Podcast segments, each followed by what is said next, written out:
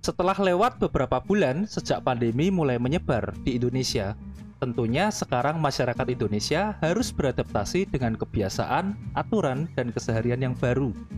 New normal istilahnya. Tidak terkecuali juga di bidang pendidikan. Kegiatan belajar mengajar sekarang dilaksanakan via daring atau online.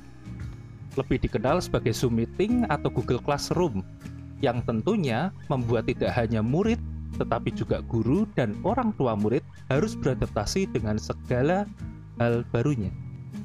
Saat ini sudah hadir satu narasumber yang, well, dia adalah praktisi di salah satu sekolah swasta di Semarang. Sebelum kita mendengarkan lebih lanjut tentang pengalaman beliau selama ini, silakan memperkenalkan diri terlebih dahulu. Hai teman-teman, nama saya Ranata. Kalau Halo. mau nama lengkap sih panjang sekali loh nama saya. Nama Eh, Empat panjang. kata nama saya. Mhm. Oh harus panjang atau boleh pendek? Eh, kalau panjang gimana? Renata Oh gitu. gitu. Oh. Ah, Gak apa-apa, terserah boleh boleh. gitu ya ya. Ranata aja kali. Oh ya. Renata aja, boleh Gitu. boleh.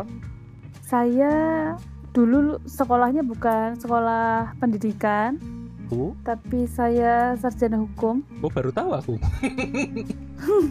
Oke. itu sarjana hukum tapi apa ya senang banget dengan segala sesuatu yang menolong orang itu untuk makin maksimal sesuai dengan potensinya. Oleh karena itu ya. ketika join, Ha-ha, jadi jangan sampai orang itu sebetulnya potensinya banyak tapi dia stuck di sebuah titik. Nah kadang-kadang orang-orang begitu yang perlu dibantu lah. Saya Ah. kok interest ya dengan hal-hal yang gitu. Begitu sehingga saya join dengan salah satu sekolah Mm-mm. dan jadi guru deh sampai sekarang. Sampai sekarang berapa Udah tahun tuh? Ha-ha. Berapa lama? Aku Berapa kok lama? lupa persisnya ya. Mulai kapan? Mulai itu 2006, berarti berapa itu? 2006, 14 tahun, hampir 15 berarti ya. Empat. iya, lama ya. Toh. Gitu sih. Katam ini, ini sudah katam ini praktisinya kali ini nih.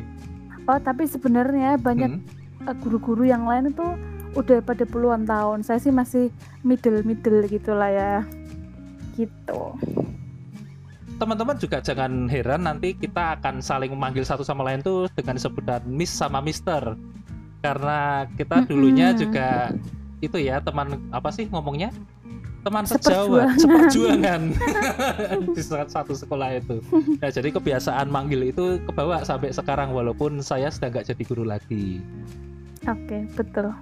Daripada manggilnya Pak Bu kan aneh gitu. Rasanya aneh aja. Kita akan mulai nih ngobrol-ngobrol tentang pendidikan di Indonesia. Aku sudah tertarik banget untuk ngomongin masalah tentang pendidikan di Indonesia ini sejak sebelum pandemi sebenarnya untuk ngobrolin tentang hal ini. Tapi sejak adanya pandemi itu lebih lagi karena ternyata dengan adanya pandemi ini benar-benar merubah kebiasaan hidup semua orang. Eh, Nggak cuma di Indonesia sebenarnya tapi di seluruh dunia. Tapi kita mau batasin nih sekarang di Indonesia dulu. Kayaknya pendidikan sekarang itu udah nggak bisa senormal dulu tanda kutip ya, quote and quote, tidak bisa kayak dulu gitu di mana siswa kayaknya nggak bisa datang lagi ke sekolah kumpul di satu ruangan untuk ngobrol bareng dan pelajaran bareng sama guru in real time di satu waktu tempat. Nah, gimana nih sebenarnya Miss Ranata ini melihat kesulitan atau tantangan apa yang terjadi dengan perubahan-perubahan ini? Coba coba.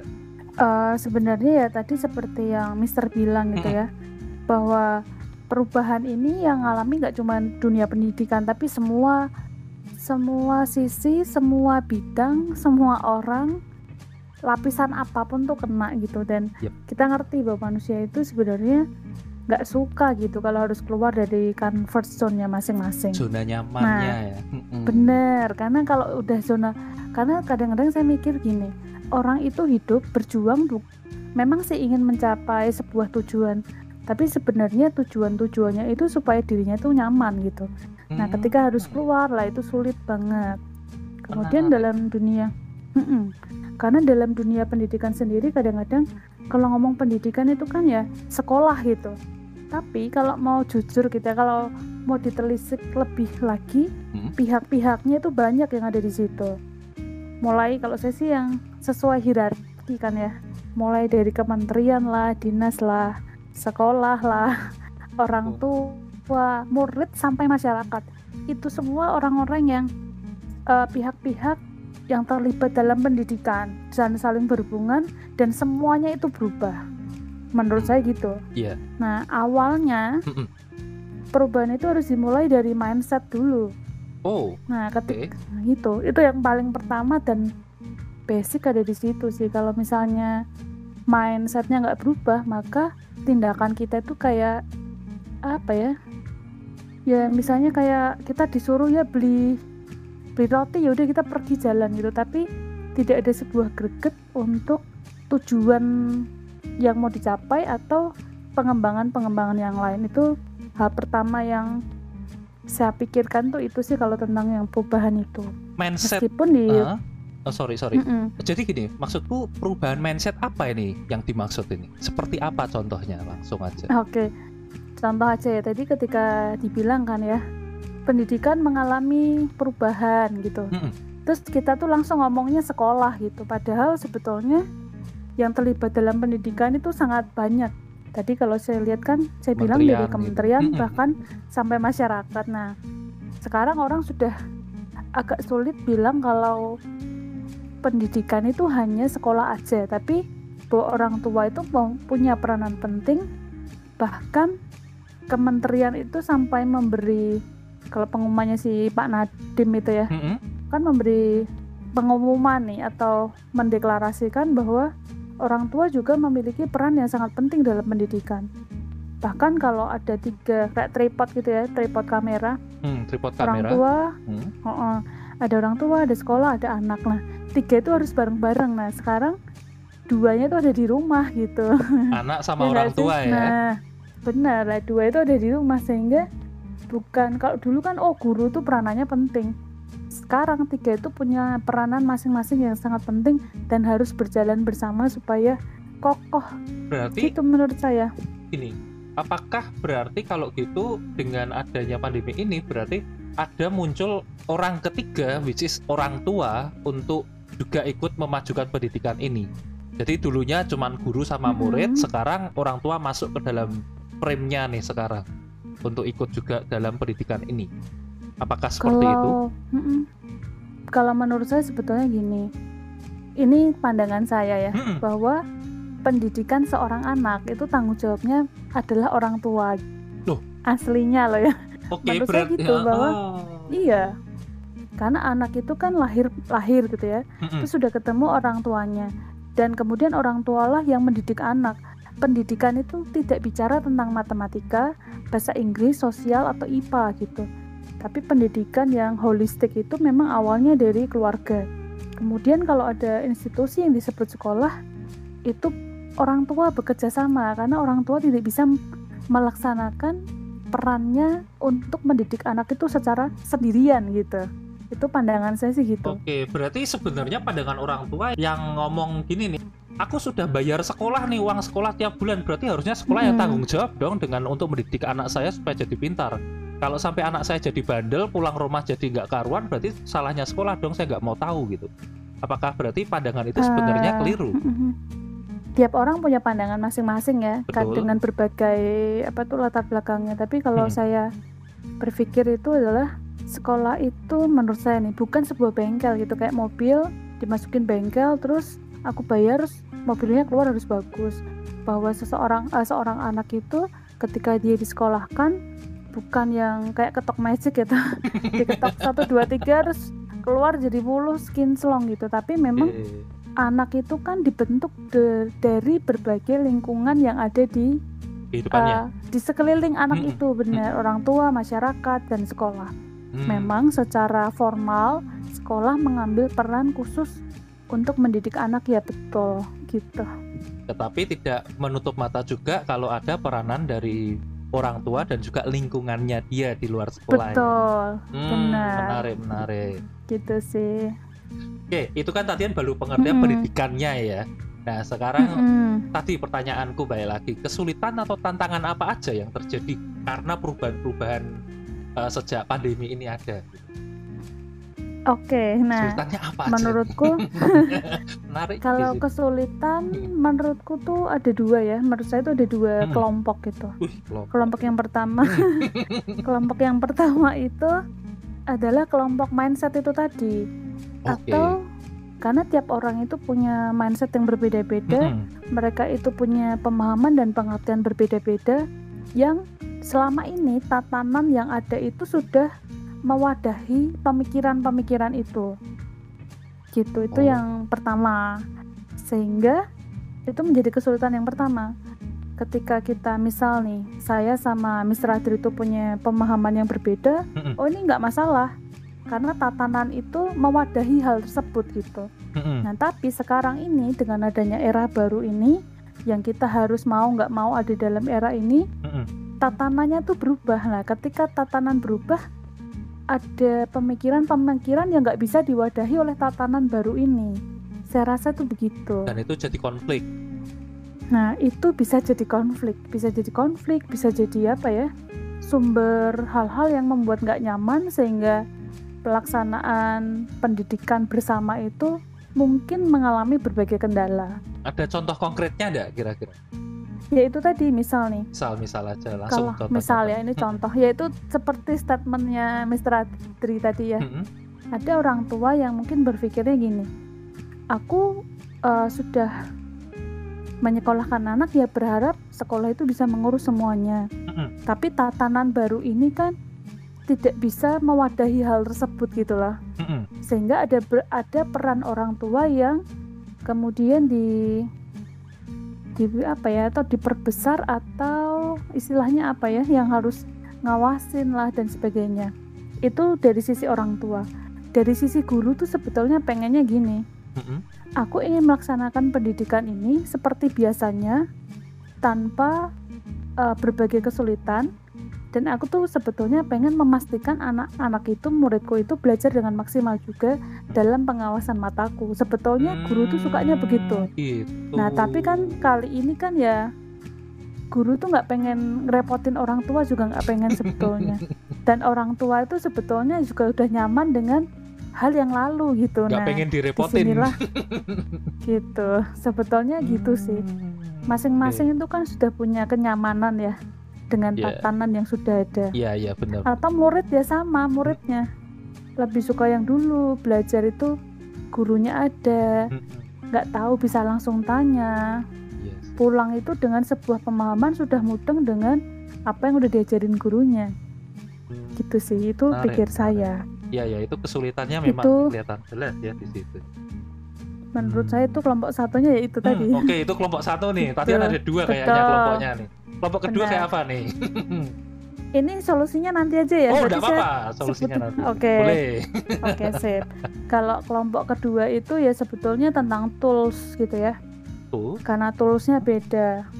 Misalnya kalau yang offline berangkat bawa buku, kemudian guru tuh ya dengan berbagai buku, papan tulis, LCD, ke ya minimal itulah ya di mana-mana ya itulah ya.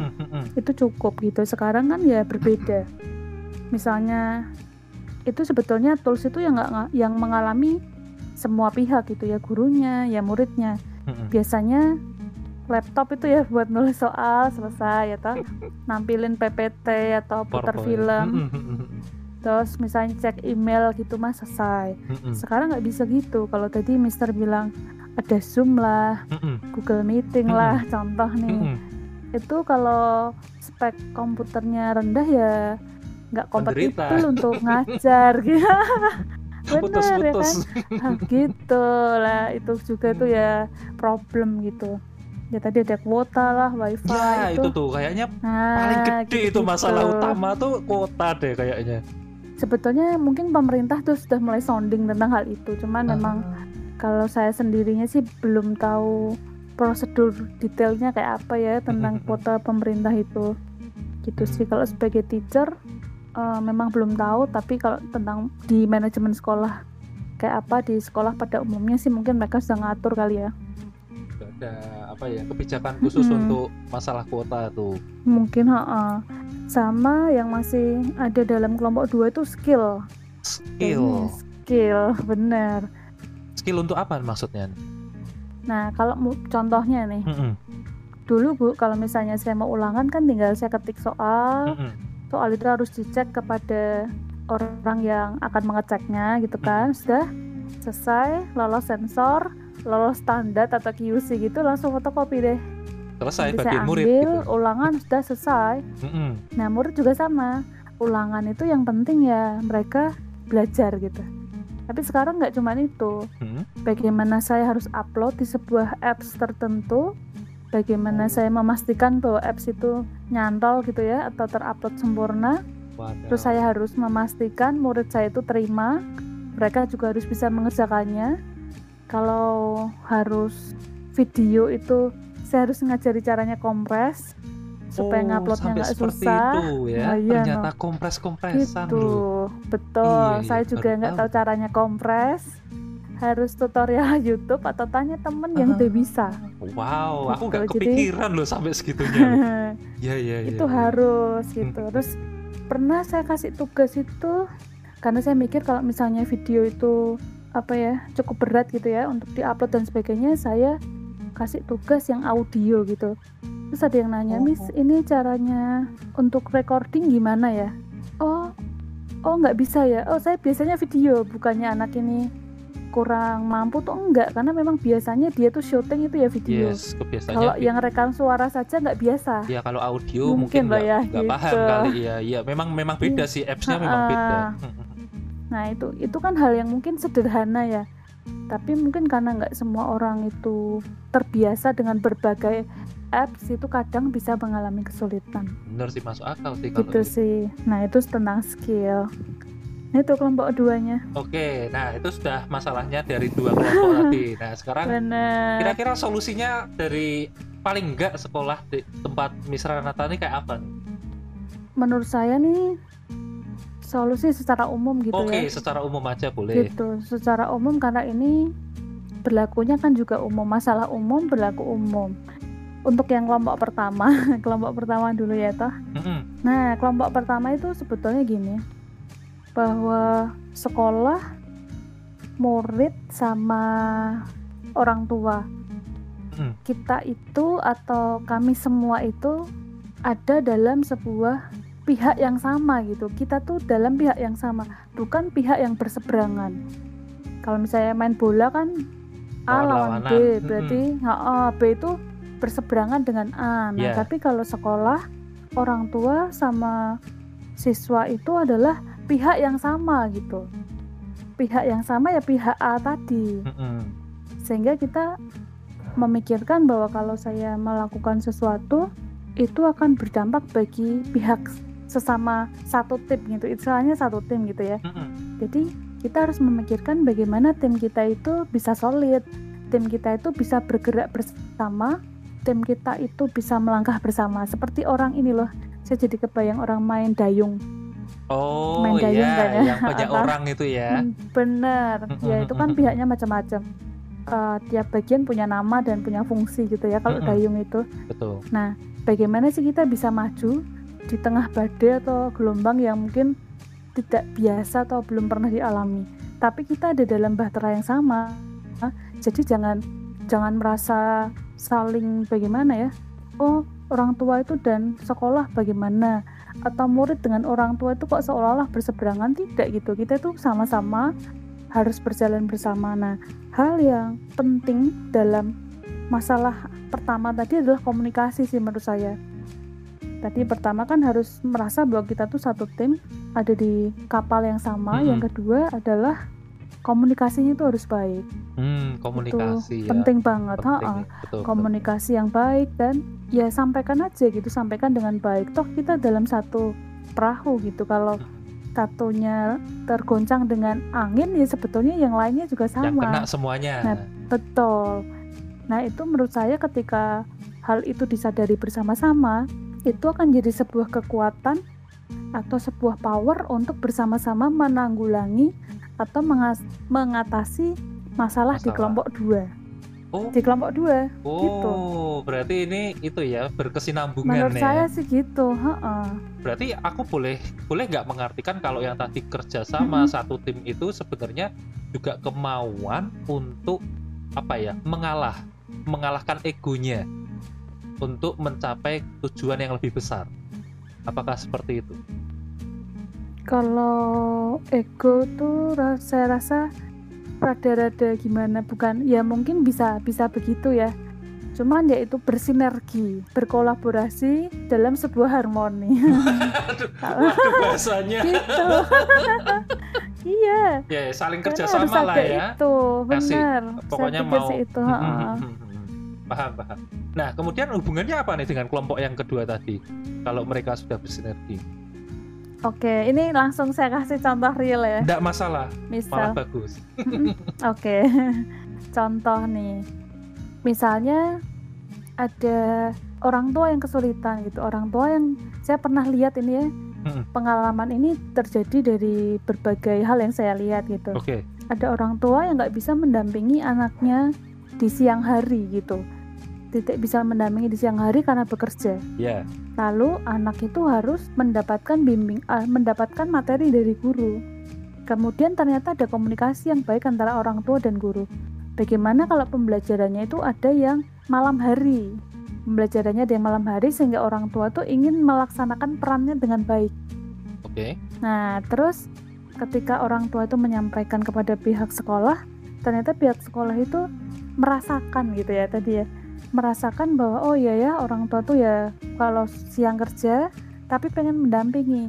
Ketika komunikasi itu baik, saya lihat bahwa oh iya ya ternyata pembelajarannya terus diadakan pada sore hari atau malam hari. Saya pernah melihat beberapa sekolah itu melakukan itu. Itu contoh lah ya. jadi apa maksudnya pembelajarannya benar-benar eh, dari sore misalnya sampai malam gitu Mm-mm, Jadi dibagi nih, misalnya pas mengerjakan tugas mereka mengerjakan tugasnya pagi sampai siang. Mm-mm. Pas malam yang harus ada koneksi internet itu kan koneksi internet. Ternyata yang punya HP itu hanya orang tuanya, anaknya nggak punya. oh iya Berarti betul. nunggu orang tuanya datang tuh Pulang. ada.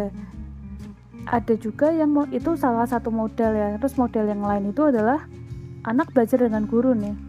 Siang pagi sampai siang belajar dengan guru. Tapi kan waktunya nggak biasanya waktu sekolah itu kan ya sampai sore kan. Mm-mm. Tapi karena pas masa pandemi ini sekolah melakukan penyesuaian sehingga sekolah itu memberikan tugas kepada anak di mana tugas itu nanti harus didampingi orang tua. oh memang ada syaratnya orang tua harus dampingin gitu Betul, tapi itu sudah ada komunikasi sebelumnya. Itu contoh tuh. Oh. Kemudian pernah ada lagi bahwa murid itu kesulitan, kesulitan untuk dapat mengumpulkan tugasnya. Dia tuh dipandu sama gurunya. Hmm. Oh ini begi, eh, caranya tuh begini. Coba dibuka laptopnya. Di situ tampilannya seperti apa, bla bla bla bla gitu. Hmm. Terus akhirnya berhasil. Bukankah itu kan permasalahan tentang skill tuh?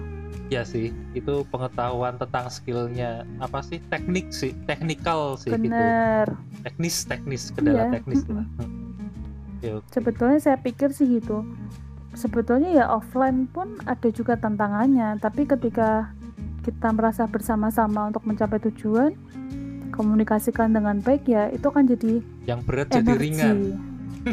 Betul akan jadi energi yang positif gitu. Oke, menarik menarik. Tapi dari tadi kayaknya banyak ngomongannya ini tentang orang tua murid dan muridnya sendiri. Lah kalau kalau untuk para guru merespon dengan perubahan-perubahan ini gimana sih sebenarnya? Ada nggak yang ngomel? Ada nggak yang ah males ah selama ini aku juga ngajar sebenarnya baik-baik aja gitu. Ngapain harus kayak gini? Ya. gitu. Coba deh aku pengen tahu sebenarnya pengalamannya Mister Renata gimana? Sebetulnya kalau boleh curhat gitu ya, boleh boleh. semua semua guru di Indonesia ataupun seluruh dunia itu lebih suka ketemu muridnya langsung gitu. Itu curhatan guru paling nomor satu lah ya. Kan bener kadang-kadang misal nih kalau pas ngajar kan muridnya rame tuh. Muridnya rame lah, berisik lah, kadang nggak nurut misal Mm-mm. gitu kan. Terus tapi kalau pas masa-masa pandemi kami ke sekolah tapi nggak ada muridnya terus mikirnya gini, wah mending ya ketemu muridku meskipun mereka tuh kadang nggak nurut gitu kadang tuh Berarti- mikirnya gitu bener malah, malah kangennya itu kangen berisiknya, kangen ributnya gitu. Ya nggak apa-apa kami begitu tapi ketemu gitu loh Hmm. maksudnya. Ya ya daripada Karena sepi ya. kecernya ah daripada kami ke sekolah tuh ya masuk ke ruang guru ruang guru lagi. Terus paling ruang untuk ngajar yang di apa namanya disekat supaya ada peredamnya gitu. Kelihatannya kok nggak apa ya kehidupannya tuh nggak begitu nyata gitu loh. Begitu dekat tapi ya jauh gitu nah gitu. Sebetulnya kalau curhatan guru pada umumnya tuh begitu. Padahal tuh dulu kalau setauku guru masuk kelas muridnya ribut tuh marah-marah loh. Sekarang malah kangen ya. Nah itu justru. Kadang-kadang tuh manusia gitulah ya. Kalau begini nanti ya protes gitu atau dalam hati ah kok begini begini begini gitu. Tapi ketika hal yang biasanya itu nggak ada lagi tuh kangen gitu. Hmm. nah itu manusiawi sih. Pada awalnya sih gitu. Tapi hmm kalau mau jujur nih ya sebetulnya apalagi kalau saya rasakan lima tahun terakhir ini. Lima tahun terakhir itu kan kurikulumnya beda-beda tuh. Oh. Dulu pernah kepakai K13 kan terus mm -hmm. hanya enam bulan enam bulan nggak komplit apa ya terus enam bulan tuh. Terus habis itu ganti tuh menjadi KTSP lagi. Waduh, terus habis itu ha -ha, terus habis itu jalan berapa saya kok lupa jalan berapa lama gitu eh balik lagi ke 13 Aduh. dengan kurikulum dan buku yang berbeda Oh, itu oh, Nah itu berubah lagi. Hmm. Nah, nah sebetulnya menjadi uh, profesi guru itu adalah sesuatu yang progresif. Kami tidak pernah stagnan di sebuah titik. Itu kalau mau jujur sebetulnya gitu. Berubah Jadi, terus ya, perubahan terus. Uh, uh, berbagai perubahan kami ya guru-guru itu mengikuti. Bahkan dinas pendidikan pun menolong kita sebetulnya dengan berbagai hal bahkan tentang online-online bahkan sampai e-rapat itu dikawal dengan baik oleh dinas pendidikan gitu sih. Jadi kami sering ada pelatihan sering ada MGMP gitu musyawarah guru mata pelajaran. Itu oh. sering banget untuk mengawal berbagai jenis perubahan. Memang perubahan yang kali ini itu adalah perubahan yang wow gitu. Sampai akar-akarnya dicabut kayaknya ini nah gitu. Perubahan yang beda dan nggak boleh konvensional. Lah ini benar-benar perubahan yang gak dipaksa gitu. Betul, kayaknya emang dipaksa tapi ya mau nggak mau. -mm. gitu sih tapi hmm. ya. Oh ya saya pernah ini loh Gimana? liatin status WA temen saya. Beliau itu guru sudah sepuh gitu. Beliau itu udah pokoknya jadi senior saya jauh banget gitu. Hmm saya liatin beliau ngajar online tapi semangat sekali gitu. Oh ya? Wow keren banget ya. Jadi saya rasa ya modal semangat dan rela gitu rela dengan berbagai hal mau belajar itu udah jadi modal yang besar gitu. Berarti sebenarnya umur itu bukan alasan ya untuk bisa kreatif terus bikin kelas menarik walaupun ini tidak tatap muka langsung. Sebetulnya saya rasa gitu sih meskipun kami guru itu kami sadar gitu keterbatasan kami banyak dan mungkin ada pergumulan-pergumulan lain yang juga dialami di masa pandemi ini gitu. Tapi ya kami menyadari kok bahwa panggilan guru atau profesi guru itu harus tetap jalan dan itu harus tetap dilaksanakan. Jadi kalau mau ada berbagai hal berubah kami ya, tuh ya harus belajar. menyediakan diri gitu uh, menyediakan diri untuk belajar. Meskipun ya kadang udah diajari sekali terus kadang kami lupa gitu ya mungkin aja terjadi gitu bener yang as aslinya ya mau belajar mau maju ya itu masih bisa mengikuti lah ya. Oke, oke. menarik nih tadi mm -hmm. ada ngomong tentang peranan itu ya ada Menteri Pendidikan juga gitu tentang mm -hmm. hal ini. Nah kalau ngomongin tentang kementerian ini nggak nggak lepas dari banyaknya pro kontra nih sebenarnya banyak banget mm -hmm. bahkan yang terakhir kemarin itu ada masalah Mas Menteri kita dengan mm -hmm. beberapa instansi gitu ya tentang POP atau mm -hmm. apa itu kemarin Cuma yang mau aku tanyain di sini bukan POP-nya nih, ini jauh ke belakangnya POP tentang penghapusan UN. Nah, nih. Untuk penghapusan UN ini gimana sebenarnya pendapat dari Miss Ranata sendiri secara individual? Itu plus minusnya tuh gimana sih? Aku pengen tahu sebenarnya. Oke. Baiklah, saya berarti ngikutin UN itu mungkin udah 15 tahun berarti ya. Waduh, oke okay, siap. 15 kali. 15 kali ha benar nah UN itu juga sebetulnya mengalami perkembangan sih. Mm-hmm. awal-awal saya jadi guru sampai berapa tahun saya lupa sih. Itu UN itu betul betul satu-satunya penentu kelulusan itu saya ngalamin tuh pas saya awal-awal jadi guru. Oh okay. kalau UN-nya nggak lulus ya berarti nggak lulus. ya nggak lulus bener gitu. Bahkan pas saya pernah jadi wali kelas kelas 9 saya itu uh, bergumul gitu tentang seorang anak yang matematikanya itu nggak bisa kayak nggak mudeng gitu. Dan dia tuh nggak pede untuk mengerjakannya. Hmm. wah bener-bener ini gimana ya? Nanti kalau bener-bener dia nggak lulus. Padahal mapel yang lain dia oke okay, gitu. Pernah yang ngalamin gitu. Lalu sampai uh, kelulusan tuh dikombin jadi ada nilai UN berapa persen nilai ujian sekolah berapa persen itu ada. Pernah ngalami masa itu. Lalu ada juga masa di mana ujian sekolah itu diselenggarakan tapi nilainya nggak menentukan kelulusan itu ada ya, terus yang menentukan kelulusan apa ujian sekolah dan rapot itu pernah pernah gitu. Enggak tadi soalnya Mr. Anata terakhir ngomong mm -hmm. ada masanya di mana ujian sekolah diselenggarakan tapi tidak mempengaruhi kelulusan ujian nasional. Oh, ujian nasional. Oh, sorry sorry. Nah, bingung. Ujian Oke, okay, sorry sorry. Berarti okay. ujian nasional diselenggarakan hmm. tapi tidak menentukan kelulusan. Ah, oke. Okay. Berarti gitu. yang menentukan Jadi, ujian sekolahnya. Benar. Hmm. Nah, sampai yang terakhir kemarin tuh kan rencananya bahwa ujian nasional diselenggarakan sebagai ujian nasional terakhir yang tahun ini. 2020. Tahun 19 Ha-ha. 2019 2019 2020. 2020. Okay, ha, itu akhirnya itu. kan tidak ada UN karena pandemi itu kan. Yes. Gitu. Nah, tapi tapi lagi saya itu menjumpai berbagai pengalaman unik tentang ujian nasional sebenarnya. Seunik apa ini coba? Nah, nah gini. Sebetulnya mungkin kalau tadi kenapa sih sekolah tiga tahun tapi ditentukan empat hari saja hmm. orang itu bisa lulus dan enggak seolah-olah itu nggak fair gitu. Nah ini ya. ini ini pandangan banyak nah. orang ini banyak siswa kayaknya nih. Coba gimana? Itu nih? ya kalau saya ya saya bisa memahami gitu aja. Hmm. Tapi pengalaman yang lainnya adalah gini, saya menjumpai beberapa anak gitu ya, itu muncul uh, kepedulian terhadap teman. Maksudnya gini, oh temenku tuh nggak bisa matematika nih contoh nih.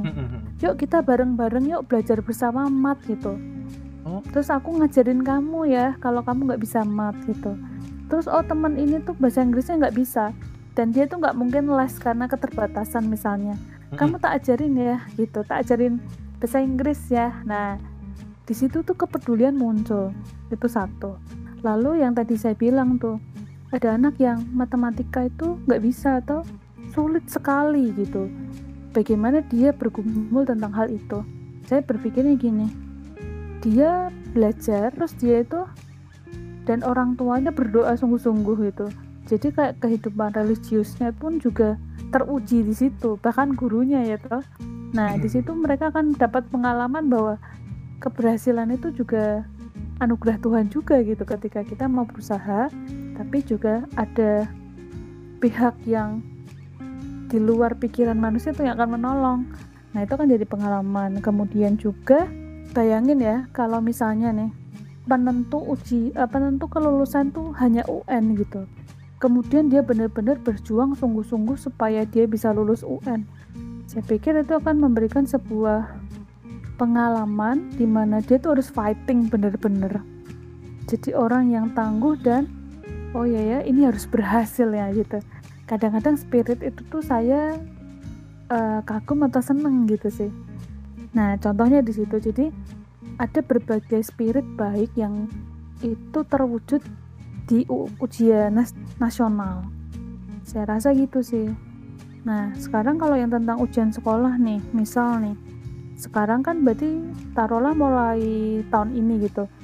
Ujian sekolahnya kemudian diwujudkan untuk syarat salah satu syarat kelulusan karena syarat kelulusan itu biasanya ada beberapa. Lalu sekolah diberi keleluasaan untuk menentukan murid itu bisa lulus jika bagaimana. Kalau ada syarat-syaratnya itu yang mm atur sekolahnya ya. Sebetulnya pemerintahan itu punya kayak guideline gitu. Oh. Okay. Kayak guideline tapi nanti breakdownnya itu sekolah boleh menentukan.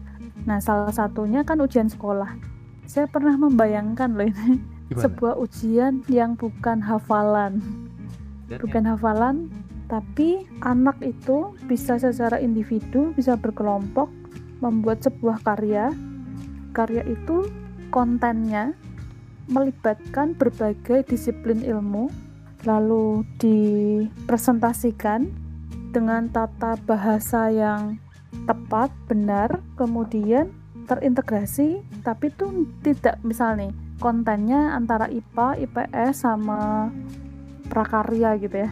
Itu dijadikan sebuah benda yang nanti mereka bisa presentasi, akhirnya bisa dijual. Presentasinya in Inggris gitu ya, in English sama nanti dalam bahasa Indonesia. Tapi itu bener-bener karya aja. Jadi ujiannya itu doang gitu. Berarti maksudnya ini lebih aplikatif ya, langsung Mm-mm. melakukan sesuatu bukan yang teori saja. Iya, jadi terintegrasi gitu loh. Kan kadang-kadang belajar IPA sendiri, Ya, IPS maksudnya. sendiri, bahasa nah gitu. Nah, kalau saya mikirkan ya, kalau tadi itu saya mungkin tadi beberapa yang saya pikirin itu 3, 4, 5 terus sama aplikasi eh, maksudnya presentasinya dengan Google Site atau PPT gitu. Taruh kan Hmm. ada 6 mapel itu ada di situ gitu. 6 mapel ada di situ. Hmm, Terus nanti yang mapel tidak bisa integrasikan. terakomodir Hmm. Oh, ya, mungkin nanti bisa integrasi dengan yang lain. Jadi ujian sekolah itu cuman ya mengerjakan dua hal itu aja. Dan sebetulnya pemerintah sudah memberi izin untuk hal itu Oh sebetulnya. ya, Mm-mm. berarti nggak harus ujian tertulis di kelas gitu? Sebetulnya iya, sekolah boleh mengkonstruksikan ujiannya itu seperti apa. Itu Menarik. sudah ada guideline-nya gitu, tapi memang kadang-kadang sekolah punya berbagai pertimbangan masing-masing ya, setahu saya ya. Itu pertanyaanku sebenarnya berikutnya. Terus kenapa sekolah belum seperti itu sampai sekarang? Kalau si Kementerian Pendidikan itu sudah memberikan lampu hijau nih kasarannya. Nah, sebetulnya gini sih, untuk berbagai hal itu butuh adaptasi. Oke. Itu satu. Yang kedua misalnya gini, kalau misalnya selama ini saya ngajarinya itu adalah teori, kemudian prakteknya saya ngajar teorinya level 3, prakteknya level 3 gitu kan. Berarti kalau mau fair ya ujiannya level 3 dong. Nah, tapi misalnya yang tadi saya bayangkan tadi adalah level 6, selama ini saya ngajar level 3, level 3 terus ujiannya level 6, menurut saya nggak fair buat muridnya. Nah, jika kita mau begitu, maka siswa harus disiapkan dulu. Dari mulai ngajar ya level 6, ujian eh, praktek level 6 pas ujian level 6. Jadi ketika ada sebuah peraturan, maka kita nggak bisa yang langsung, oh ya, kita langsung eksekusi begitu, tapi tidak menyiapkan siswanya. Itu menurut saya rada konyol gitu. Tetapi ini ini aku mencoba menjadi itu ya netizen yang kritis gitu. Oke, silakan. Soalnya gini, aku kalau memikirkan tentang kesamarataan ini antara apa yang dipelajari kemudian yang diujikan. Satu, Mhm. tadi Miss Ranata yang ketika ngomong tentang UN tadi, semangat UN tadi. Itu kan Mm-mm. apa yang mereka pelajari dalam tiga tahun kemudian mereka pertaruhkan di empat hari ujian nasional. Kemudian itu menjadi semangat mereka untuk apa lulus gitu katanya. Tetapi ini kan masalah kompleks di mana eh, yang diajarkan oleh sekolah-sekolah di Indonesia itu kan belum tentu sama, Miss. Selama tiga tahun itu levelnya ya dalam hal ini yang aku ngomong tadi kan misalnya Nata ngomong level 3, 3, 3 ya diujikan 3, level Mm-mm. 6, 6, 6 ya diujikan 6 tetapi kan kita nggak bisa menutup mata bahwa di Indonesia ini kan sekolah-sekolah berbagai macam sekolah itu mengajarkan Mm-mm. katakan matematika kelas 9 gitu kelas 3 SMP Mm-mm. mungkin babnya sama, bahasannya sama, Mm-mm. tetapi kan contoh soalnya, penyelesaiannya eh, itu berbeda-beda. Nggak bisa dipungkirin dong seperti itu. Kemudian mau dengan perbedaan soal-soal sebanyak itu, kemudian mau diujikan pakai ujian nasional, satu ujian Mm-mm. nasional di mana soalnya sama seluruh Indonesia dari Sabang sampai Merauke. Katakan ini soal ujian nasionalnya level 5, Kemudian ada sekolah yang ngajarin matematikanya cuma sampai level 3, bahkan level 2, ada yang sampai level 7, level 8. Di mana sekolah murid-murid yang di sekolah yang ngajarin level 7, level 8 ketika mengerjakan ujian nasionalnya merasa ini soal kok gampang banget ya. Soal kok kayak gini doang gitu. Tetapi sementara murid yang lain yang diajarin selama ini pakai level 2, level 3 mengatakan ini ujian nasional kok susah banget. Aku nggak bisa ngerjainnya. Pada akhirnya mereka nggak lulus karena nilainya jelek. Padahal ketika persiapan mereka semangat banget. Oke, ujian nasional pada hari kita harus lulus. Mereka bekerja semaksimal mungkin latihan bener-bener latihan, tetapi mereka mengerjakan soal-soal level 3. Nah, ketika datang soal-soal level 5 itu mereka hancur di situ. Kan nggak fair dong Mm-mm. kalau kalau mengatakan seperti itu. Oke. Kalau hal seperti ini gimana dong kalau gitu? Oke, Eh, menurut saya kalau tadi kan saya sempat sampaikan sejarah ya beberapa hal ya beberapa UN yang pernah saya ikutin kan Mm-mm. dari mulai UN itu hanya eh, menentukan kelulusan, Mm. kemudian dikombin sampai UN itu ternyata nilainya saja nggak diperhitungkan gitu untuk lulus. Saya pikir kok itu bagian dari koreksi-koreksi atau evaluasi yang dilakukan oleh dunia pendidikan gitu, sehingga itu kemudian oleh pemerintah ditangkap sebagai sesuatu yang harus segera di follow up ya mungkin melihat hal itu gitu. Kita eh, nggak bisa samakan lah ya. Sebuah sekolah itu jangankan yang misalnya Pulau Jawa gitu. Pulau Jawa yang satu pulau aja standarnya mungkin bisa beda-beda gitu Jelas, ya. sekolah dengan atau nah saya rasa itu sehingga pemerintah kalau sampai mengambil keputusan sampai yang sekarang ini bahwa sekolah diizinkan untuk menentukan sendiri standar kelulusannya sesuai dengan keunikan sekolah lah itulah jawaban dari yang pertanyaannya Mr. Adri tadi bahwa follow up-nya itu sekarang di situ gitu jadi sekolah boleh menimbang muridnya itu seperti apa kemudian melihat bahwa oh kompetensinya di mana. Nah itu sih sama kalau saya pikir nih ya bahwa semakin ke sini itu sekolah itu makin dibuat standarnya hampir sama. Mungkin itu salah satu tujuan zonasi juga itu gitu. Nah, itu zonasi itu apa sih sebenarnya? Bisa tolong dong jelasin. Nah, Aku lupa ini mau nanya itu. Untung dis- disinggung. Coba coba aku tuh pengen tahu itu zonasi itu gimana sih konsepnya sebenarnya? sebenarnya gini sih. Kalau karena saya praktisi ya, praktisi sekolah swasta. Mm-mm. Sekolah swasta itu memang nggak mengenal zonasi. Oh, Tapi kalau iya kan, jadi sekolah swasta ya mau murid-murid yang daftar sesuai dengan syarat sekolah itu ya mungkin diterima tanpa melihat yaitu eh, mana? ada di wilayah eh, benar wilayahnya mana. Yang saya tahu nih ya, semoga ini benar gitu yang saya pernah dengar dari penjelasan bapak-bapak yang ada di dinas pendidikan itu. Oh bukan, Oh, ini bukan udah ya? level dinas ini. Oh, oh. levelnya tinggi lagi. zonasi itu sebetulnya supaya anak itu sekolah di dekat rumahnya. Saya rasa itu bagus itu. Saya rasa itu kan bagus tuh. Karena kalau udah yang waktu apa transportasinya lama, perjalanannya lama kan kasihan. Yang kedua, bahwa zonasi itu nantinya tidak akan ada sekolah favorit. Nggak Oh. ada sekolah favorit karena semua sekolah itu ada pada standar yang sama. Harapannya sih sepertinya seperti itu. Sangat indah sekali ya. Mm-mm. Tapi memang masa adaptasi ini masih ada berbagai hal yang dirasa kurang dirasa ya, dirasa kurang jelas atau kurang kurang gitu ngeh gitu. Mungkin komunikasi tadi ya saya kurang tahu nih. Sehingga masyarakat itu sebetulnya nangkepnya gimana? Mungkin pemerintahnya udah setting yang baik, tapi memang sesuatu perubahan tadi kan nggak nyaman tuh. Biasanya kalau nilainya bagus ya boleh milih sekolah. Sekarang nggak begitu. Iya, dulu gitu ya standarnya soalnya. Nilaimu tinggi ya kamu bisa milih sekolah yang favorit. Hmm.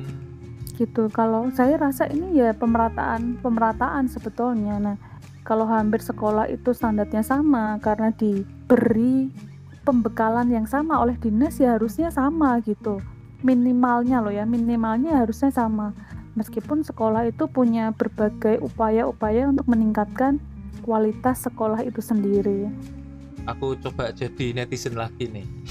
oke Soalnya menarik ini. Zonasi memang kalau di, diomongkan secara yang tadi dijelaskan oleh Mr. Anata kayaknya itu spesial sekali itu indah sekali gitu jadinya nanti. Tetapi sekarang kalau gitu katanya zonasi ini supaya mereka gak jauh-jauh dari tempat tinggalnya, kemudian pendidikannya disamaratakan. Tetapi bukankah Mm-mm. pendidikan itu nantinya juga akan melewati guru? Mm-mm. Nah, apakah bisa menjamin semua guru itu memiliki kompetensi yang sama, kemudian cara penyampaian yang sama, yang sama baiknya, kemudian bisa diterima oleh semua muridnya dengan sama juga? Kan aku rasa itu nggak mungkin banget, karena kan setiap guru itu kan juga manusia yang punya tekniknya masing-masing, punya backgroundnya masing-masing. Itu gimana dong? Walaupun katakan saja bahannya sama nih, bahannya matematika bab A gitu, semua sekolah sama tetapi kan ketika eh, banyak guru berbeda-beda menginterpretasikan bab A ini melalui kompetensi mereka masing-masing kan nanti jadinya berbeda-beda. Bukankah seperti itu nanti? Oke, ini Mana? juga menarik ini. Eh, sebetulnya gini ya toh, kalau misalnya nih kita nggak usah jauh-jauh antar sekolah atau antar provinsi, antar kota, antar provinsi kayak bis itu.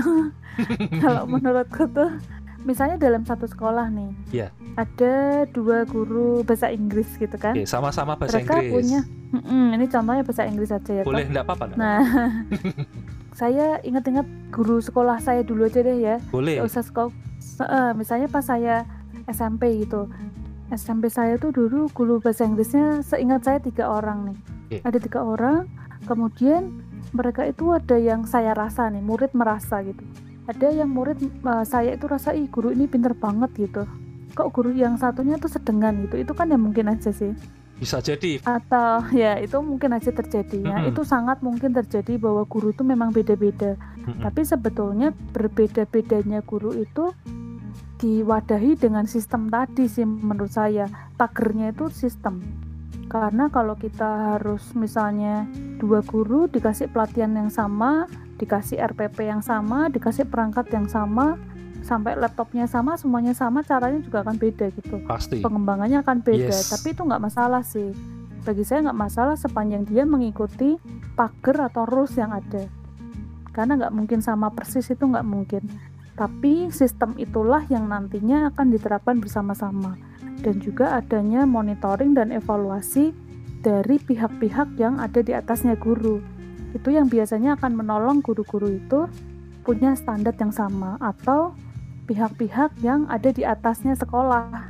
Misalnya badan yang akan mengakreditasi sekolah tuh atau dinas pendidikan itu kan juga melakukan berbagai monitoring sehingga mereka itu harus menjaga mutu pendidikan. Begitu dengan berbagai indikator-indikator yang sudah disiapkan Berarti untuk menjawab pertanyaan tadi dengan berbagai macam kompetensi guru itu sebetulnya nggak perlu khawatir karena eh, mereka juga sebenarnya nggak sebebas itu. Karena ada aturannya juga, Mm-mm. ada pagernya tadi. Dan juga lebih pen- paling penting adalah ada yang ngawasin ya dan di atasnya gitu. dan itu juga nggak cuman guru ya saya pikir ya. Kayak chef gitu terus misalnya dokter lah. Atau mungkin kalau programmer saya nggak tahu ya gitu. Tapi yang lain-lain tuh pasti akan ada orang yang mengevaluasi Programmer juga ada, Miss. oh ada ya? Ada, ada supervisor, ada analisnya. nah gitu. Atau tukang potong rambut aja misalnya itu ya sama sih. Oke, berarti memang pengawasan itu yang kuncinya di situ ya untuk biar mutu pendidikannya nggak turun. dan sebetulnya diawasi tuh bukan supaya standarnya tercapai gitu. Oh, kalau misalnya nah misalnya nih eh, pengawas itu bukan masalah polisi gitu. Oh nggak sesuai tan- standar terus tangkap gitu terus konsekuensi bukan gitu. Tapi oh ini kok misalnya dipelajari gitu ya misalnya sebuah wilayah atau sebuah sekolah tertentu atau suprayan tertentu ketika dievaluasi ada bagian yang perlu ditingkatkan. Oh makanya mereka akan dibekali. Contohnya bisa dengan seminar atau bisa dengan workshop dan sebagainya jadi itu adalah tanggung jawab dari pihak-pihak yang terlibat dalam pendidikan. Begitu sih. Berarti Mm-mm. lebih fokusnya ke peningkatan mutu pendidikan itu sendiri ya, bukan untuk Saya rasa sih itu. gitu. Enggak sih kalau guru begitu ya orang nggak mau jadi guru lah ya. Takut aja nanti. Lo nggak usah gitu aja sekarang kayaknya sudah banyak yang nggak mau jadi guru mis karena gajinya terlalu luar biasa. Waduh kalau gaji itu nganu sih ya, tergantung hikmat masing-masing mengaturnya gitu sih kalau saya pikir. Kalau saya lihat sih banyak alasannya yang kayak gitu sebenarnya. Bayarannya sedikit saya- jadi guru di Indonesia, di Indonesia lo ya. kalau di luar negeri ya kan ada yang mungkin bayarannya gede gitu, tapi kalau di Indonesia aduh guru-guru Memang kalau pengetahuan saya tentang hal ini tuh minim gitu, saya nggak pernah survei. katanya ini aku dengar-dengar Atau- nih. Mm-mm. sebulan ini guru honorer ya. Guru honorer Mm-mm. itu sebulan itu cuma dapat 35.000 ribu. Itu gaji dia. Saya oh ya kak. Makanya aku tuh miris banget. Apaan? Coba mau di, mau beli apaan 35.000 ribu sebulan itu? Buat beli pulsa untuk apa ngajar anak-anak muridnya aja nggak cukup itu Waduh, waduh. Hmm, Ya, tapi itu honorer sekali lagi. Tapi kalau guru di sekolah mungkin beda. ya semoga segera diberi perhatian gitu ya. Bener makanya kan kemarin juga yang POP itu kan minta guru honorer juga dimasukkan dalamnya. Hmm. Kurang lebih seperti itu lah. Wah menarik Mhm. banget nih pembicaraannya nih. Berikutnya nih eh, ini nih. Kalau secara spesifik ngomongin ke murid, kira-kira kalau murid Mhm. tentang perubahan-perubahan ini set- setelah pandemi ini gimana? Mereka ngomel Ah, saat atau pandemi. gimana? Heeh, sa- saat pandemi ini kemudian harus mengikuti Oke. pelajaran tahun ajaran baru inilah, Miss. Tahun ajaran baru ini Oke, mulai oke. bulan apa sih? Juni atau Juli? Juli, Juli, pertengahan Juli. Pertengahan Juli berarti ini sudah pertengahan Mhm. Agustus sebulan ya, Miss kurang lebih. Udah sebulan lebih Ya, ini. kurang heeh. kurang lebih sebulan lah gitu. Nah, selama sebulan ini kira-kira nih suka dukanya seorang murid itu kayak apa sih ya kalau dari Pak dari kacamatanya Miss Ranata ini? Eh, saya tuh kalau tadi curhatan guru ya tuh Hmm, tadi kan guru nih suka ketemu heeh. mungkin ini tapi saya menebak ya ini saya Ya. menebak aduh guru guruku tuh cerewet sekali misalnya gitu misalnya guruku tuh misalnya marah-marah misal nih Mm-mm. kalau pas aku nggak disiplin dimarahi lah kemudian aku bicara begini diingatkan lah seolah-olah tuh guru tuh eh, nggak bisa lihat aku sedikit nge- apa ya ngeles sedikit gitu tuh langsung bagaimana gitu ya memang kadang-kadang kan guru tuh pengen muridnya itu atentif nah Ini, format sebelum uh, pandemi ya. ha-ha, Oke. nah, saya rasa curhatan murid juga sama mending aku ketemu sama guruku yang kalau di itu ya Instagram Instagram yang Oh, gitu. meme-meme gitu ya Oh. mending aku ketemu guruku yang cerewet ternyata di rumah tuh mamaku lebih galak ada yang nah, atau di Facebook Facebook apa tuh saya lihat gambar-gambar itu kan ceritanya tuh gitu.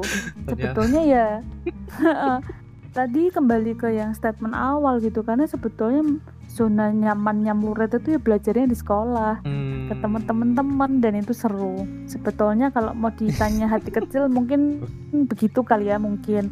Meskipun ada murid juga yang adaptasinya terhadap pembelajaran daring ini ya cepat itu ya ada. Gitu kalau secara umum sih gitu yang sudah terbiasa kali ya untuk via daring gini ya mungkin. Jadi cepat Mm-mm. pembelajarannya. Kalau menurut saya nih ya beberapa murid itu kalau disuruh milih mereka akan tetap lebih suka ke sekolah kan untuk belajar.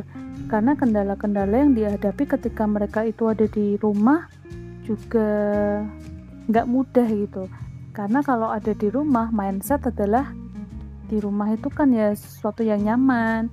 Kemudian ada kebebasan yang lebih gitu dibandingkan di sekolah. Mm-mm. kalau di sekolah mau belajar sambil duduknya bagaimana itu nggak boleh. Harus pakai Mm-mm. sepatu lah dan sebagainya. Benar, seragamnya benar, harus benar. bagaimana. Nah memang kenyamanannya tuh menjadi agak terbengkalai gitu kalau murid itu ada di rumah gitu. Jadi mereka pun sebetulnya juga menurut saya sih itu cukup berjuang gitu jadi perjuangan itu dilakukan bersama-sama ya. Gurunya berjuang muridnya berjuang dengan berbagai kendala tadi. Begitu. Dan suasana rumah itu tidak selalu mendukung untuk belajar kadang-kadang. Maksud saya begini misalnya di dulu saya ngajar WFH gitu kan pas saya ngajar eh dipanggil gitu. Itu kan kadang-kadang Ah, Ah, nah itu contoh lah. Kalau di rumah itu kan suasananya bukan suasana sekolah. Kadang-kadang mindsetnya ya itu tadi nggak cocok. Kadang-kadang ada rasa-rasa begitu. Meskipun ada beberapa adaptasi yang udah dilakukan. Tapi kalau kita mau jujur lagi ya ini sebetulnya tentang jujur-jujur itu banyak peluang kok sebetulnya. Murid itu makin survive atau mendapatkan banyak hal ketika belajar daring. Oh. Meskipun dengan berbagai macam kendala tadi. Saya sih pikir gitu. Karena gini contoh nih kalau murid datang masuk kelas gitu kan. yes Habis masuk kelas duduk, "Hai anak-anak, mari kita belajar." Guru dengan berbagai metode mengajar. yes Tapi ketika dia belajar di rumah, ada banyak hal itu diasah gitu menurutku. maksudnya gimana biasa gimana Contoh nih ya, Mm-mm. kalau misalnya saya ngajar kan saya ngajar saya tuh bisa lihat muka eh, wajahnya murid saya ini kira-kira dia paham apa enggak gitu kan Oke. ini contoh terus habis itu eh, saya bisa tanya bisa kayak apa ya mancing gitu ya "Eh, coba yang tadi tolong dijelaskan ulang gitu kan Hmm. ketika anak seolah-olah mengalami kesulitan menjelaskan maka saya bisa bantu dia gitu. Nah, Mm-mm. tapi ketika dia online, Mm-mm. saya nggak bisa nggak bisa langsung melihat responnya gitu. Karena Meskipun kecil banget ya. mereka- mungkin Bisa jadi. itu. gestur tubuhnya itu kan kadang nggak Hmm. tertangkap sempurna kan ya. Yes, benar gitu. benar. Terus habis itu berarti keterampilan yang harus diasah adalah inisiatif, harus berani tanya. benar. Oh. Gitu itu salah satu. Iya iya iya. Gitu. Kemudian ya. Mm, mm, mm, Iya, itu harus aktifnya tuh har- menurut saya lebih nambah gitu. mm, mm. Kadang-kadang kalau pas dia malu bertanya dia chatting dulu, bukan open mic gitu kan. Oh, Dia chat dulu, Miss, kalau yang tadi saya kurang ngerti, boleh nggak diulang? Oh, gitu. ada. Jadi inisiatifnya nambah. at least ya mereka yang Gitu. nggak pede untuk ngomong Mm-mm. itu bisa ngetik gitu. Mm-mm. Karena kalau bener juga sih karena aku pikir kalau di kelas seperti kegiatan belajar mengajar pada umumnya itu kan mereka mau nggak mau harus angkat tangan ya untuk bertanya. Mm-mm. Tapi kalau via daring gini kan mereka bisa ngetik, Miss. Dan sepertinya kalau saya lihat orang untuk ngetik itu lebih ringan rasanya daripada harus ngomong. Saya rasa gitu Betul. sih. itu menarik, sih menarik. step pertamanya gitu. Iya, iya, iya. Lalu kadang-kadang kalau misalnya diskusi dalam kelas kan ya. Mm-mm. eh, saya kasih satu bahan diskusi yang jawab satu dua tiga orang gitu karena eh, apa namanya waktu di kelas juga terbatas. Tapi ketika saya kasih pertanyaan lewat chat, Mm. maka semua semua anak dalam kelas itu bisa jawab sebetulnya. Oke, ya. Nah itu keuntungan juga. Jadi kesempatan untuk mereka menyampaikan idenya itu jauh lebih banyak. Itu Menarik, lalu menarik. Sebetulnya banyak banget kok. eh, yang saya senang lagi adalah Mm-mm. contoh nih ya misal oh saya dapat artikel menarik nih misal kalau pas offline langsung saya bisa print saya bagi satu-satu tapi kalau dalam Mm-mm. Ha-ha, kalau itu di kelas ya toh kalau yang online kan berarti saya gini nih saya harus ngajarin mereka gimana sih caranya mendapatkan sebuah artikel yang mereka itu bisa pelajari Mm-mm. dan itu artikelnya itu benar gitu maksudnya bukan yang hoax atau bukan Ujaran artikel kebencian. yang gimana Ha-ha. artikelnya itu teruji kebenarannya gitu Iya. jadi Mm-mm. tidak hanya dikasih materi dah ini materi tapi mereka tuh diajarin cara belajar tuh harusnya kayak apa sih gitu Hmm, Menarik, nah menarik. gitu bisa Langsung praktek ya. iya itu bisa kemudian mereka bisa lebih kreatif berbagai ide mereka tuh bisa dituangkan dengan berbagai cara juga tadi video lah ya. Audio tulisan gambar macam-macam Iya, itu masih banyak opsinya masih jadinya. bisa memungkinkan. Hmm. gitu. Lalu ah mengenai yang tadi ya open source sudah karakter juga sebetulnya tetap terbentuk loh meskipun online gitu. Oh, nah gini pernah nggak? Ini tanya iseng nih. Aku soalnya Mm-mm. bayangin diriku sebagai murid yang belajar online diajar sama guru. Mm-mm, mm-mm. Pernah nggak ada murid yang tiba-tiba disconnect atau misalnya tutup videonya gitu, kemudian ngilang Mm-mm. aja gitu? Atau nggak usah nutup video tiba-tiba dia pergi gitu ngilang? Atau izinnya ke Ah, belakang tapi lama banget?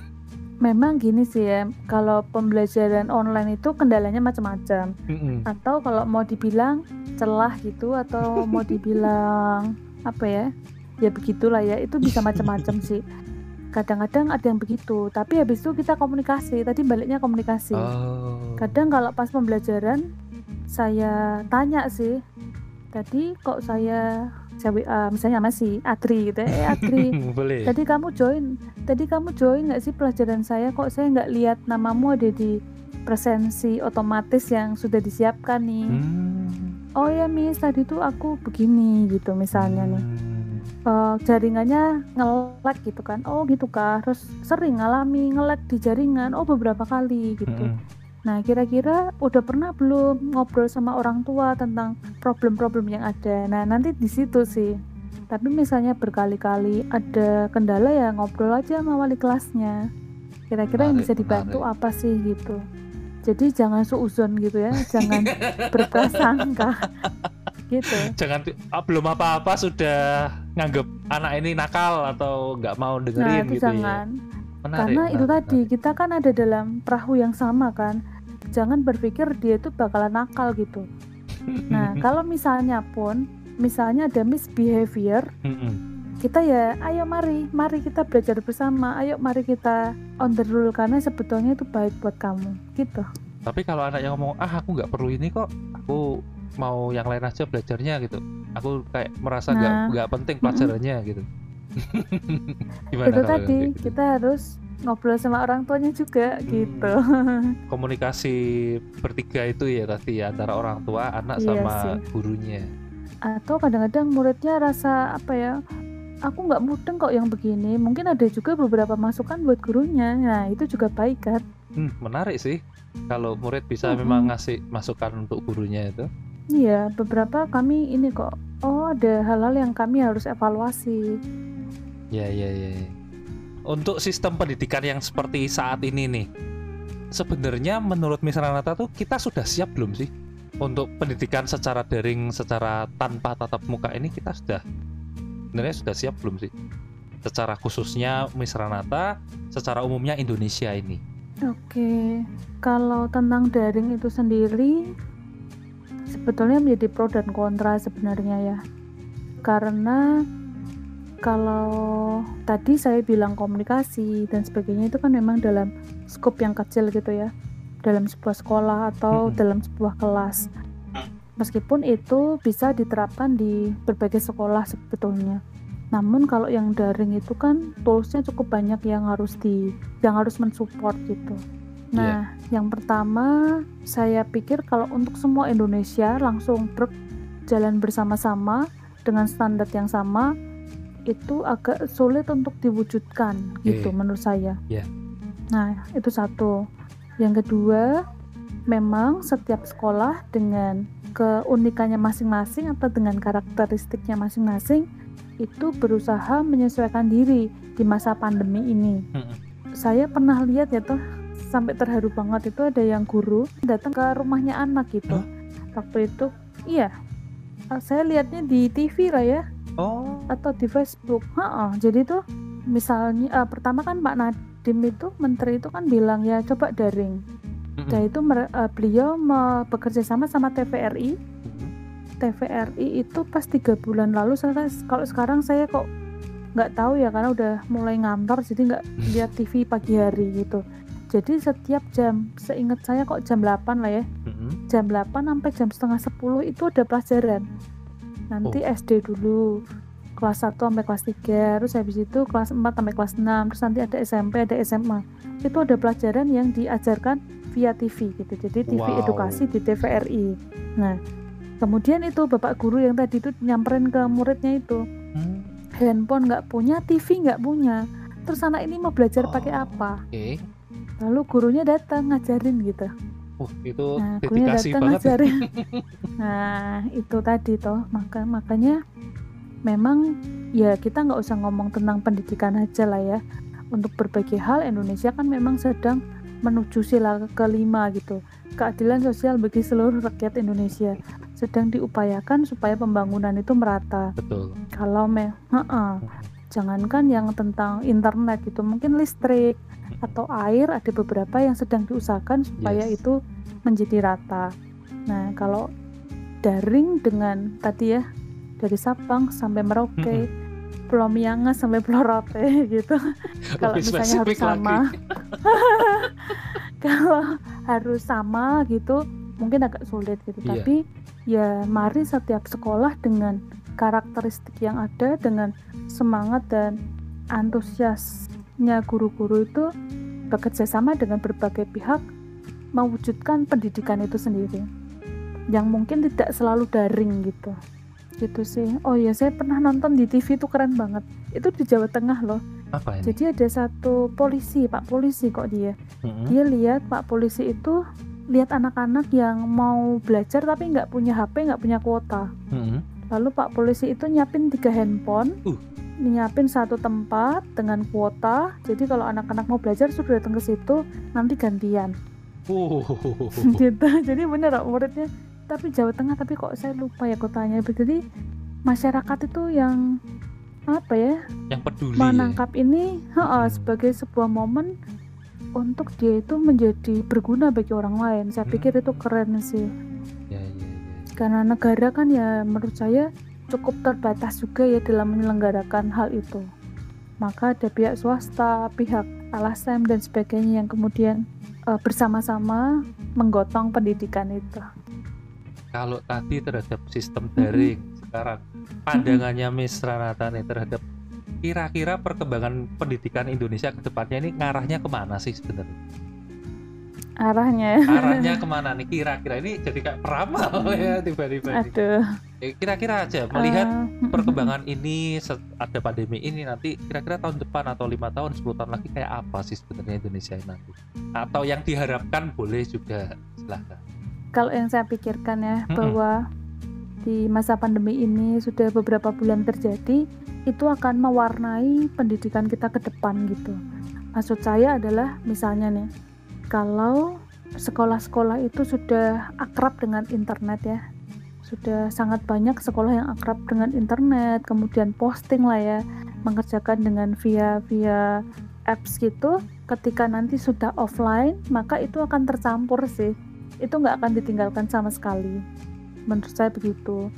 Toh kita juga sedang menghadapi atau udah tahu tentang industri 4.0 itu ya 4.0 itu loh. Revolusi industri 4.0 yang based on internet. Nah Yes. jadi hal itu nggak akan ditinggalkan sama sekali. Pikir saya sih gitu. Kemudian untuk sekolah-sekolah ataupun wilayah yang sekarang sedang struggle mengenai berbagai teknologi pendidikan saya pikir pemerintah juga akan membuka mata untuk itu.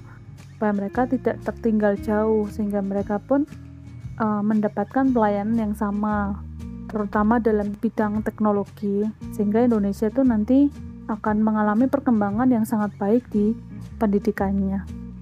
Saya rasa kalau yang tentang cara gitu ya Hmm, apa yang ada di pandemi ini dan setelah pandemi beberapanya tetap akan ikut sih.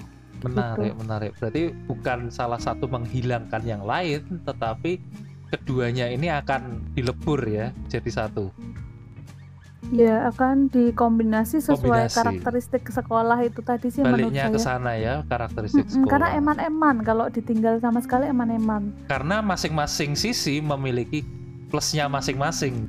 Dan juga itu tadi yang saya bilang bahwa ke depan itu internet dan sebagainya kan bener-bener berpengaruh. Bener jadi hal itu akan tetap dilanjutkan meskipun sukacitanya nambah karena ketemu tadi. Muridnya langsung. Kangen ya sudah lama banget gak Iya, ketemu nih bener-bener. kayaknya. Kangen. Lah sejak Maret loh ini sampai ini. Nah ini sampai kapan sih? Sudah lama sekali. Sebenarnya ada ada Ah. pembicaraan nggak sih sampai kapan gitu daring Hmm. ini? Sebetulnya kalau yang arahan terakhir kemarin beberapa hari lalu lah ya seminggu atau dua minggu Oke. lalu tuh Pak Menteri dengan berbagai menteri terkait itu bilang kalau zonanya sudah kuning sudah boleh. oh ya Mm-mm. tapi tetap pakai protokol itu ya pakai masker gitu Hmm. Jadi nggak tiba-tiba zona kuning langsung besok ma- masuk tuh enggak. Harus ada persiapan, harus Hmm. ada aturannya juga beda tuh.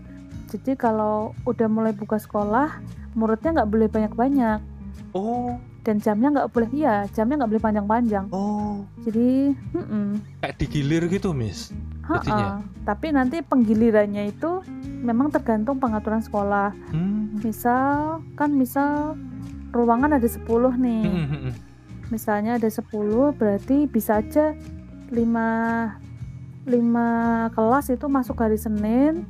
Nanti yang 5 lagi masuk hari Selasa. Atau bisa digilir 5 masuk pagi, 5 masuk siang. Jadi nggak Hmm. boleh banyak-banyak dulu. Itu tahap-tahap awalnya sih gitu. tapi ada tanggal pastinya nggak sih sebenarnya nggak ada ya Enggak. pokoknya lihat zona, zona. kuningnya itu tadi ya kalau Semarang Semarang itu saya tiap hari nonton nih itu Instagramnya DKK. aku aku nggak nonton soalnya miss jadi aku nggak ngerti makanya tanya Oh, kalau Semarang itu saya lihatnya di Instagramnya Dinas Kesehatan Kota toh. oh Nah, sekarang hmm. Semarang itu saya kok lupa ya, pernah 900 berapa gitu. Tersebar di berbagai kecamatan. Hmm. Sekarang sudah 400 sekian gitu. Udah Nah, turun mm-mm. cuman memang penentuan zona itu cukup kompleks ya, nggak bisa oh COVID-nya hilang langsung boleh hijau gitu Ah. enggak. Mm-mm. Memang sih kalau saya lihat angkanya Semarang DKK sih makin lama makin turun.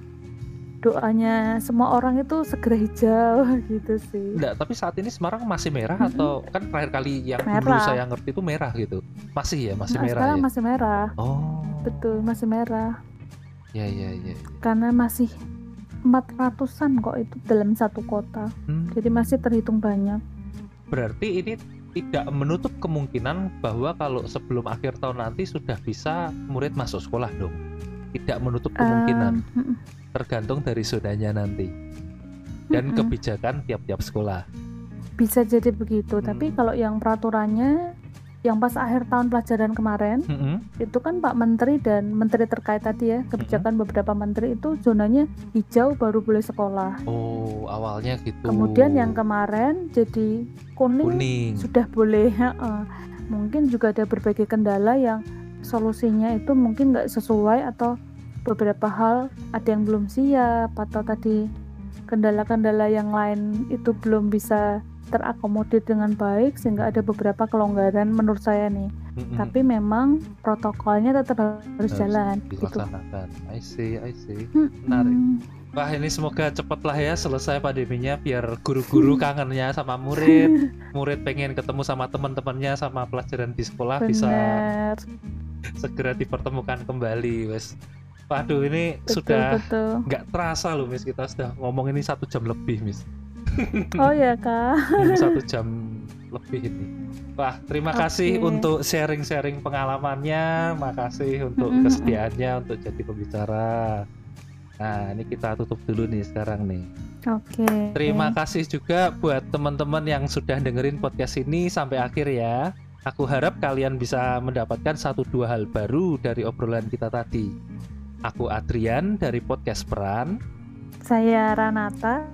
undur diri dan ingat selalu, karena setiap manusia memiliki berbagai cerita kehidupan yang menarik untuk didengar. See ya!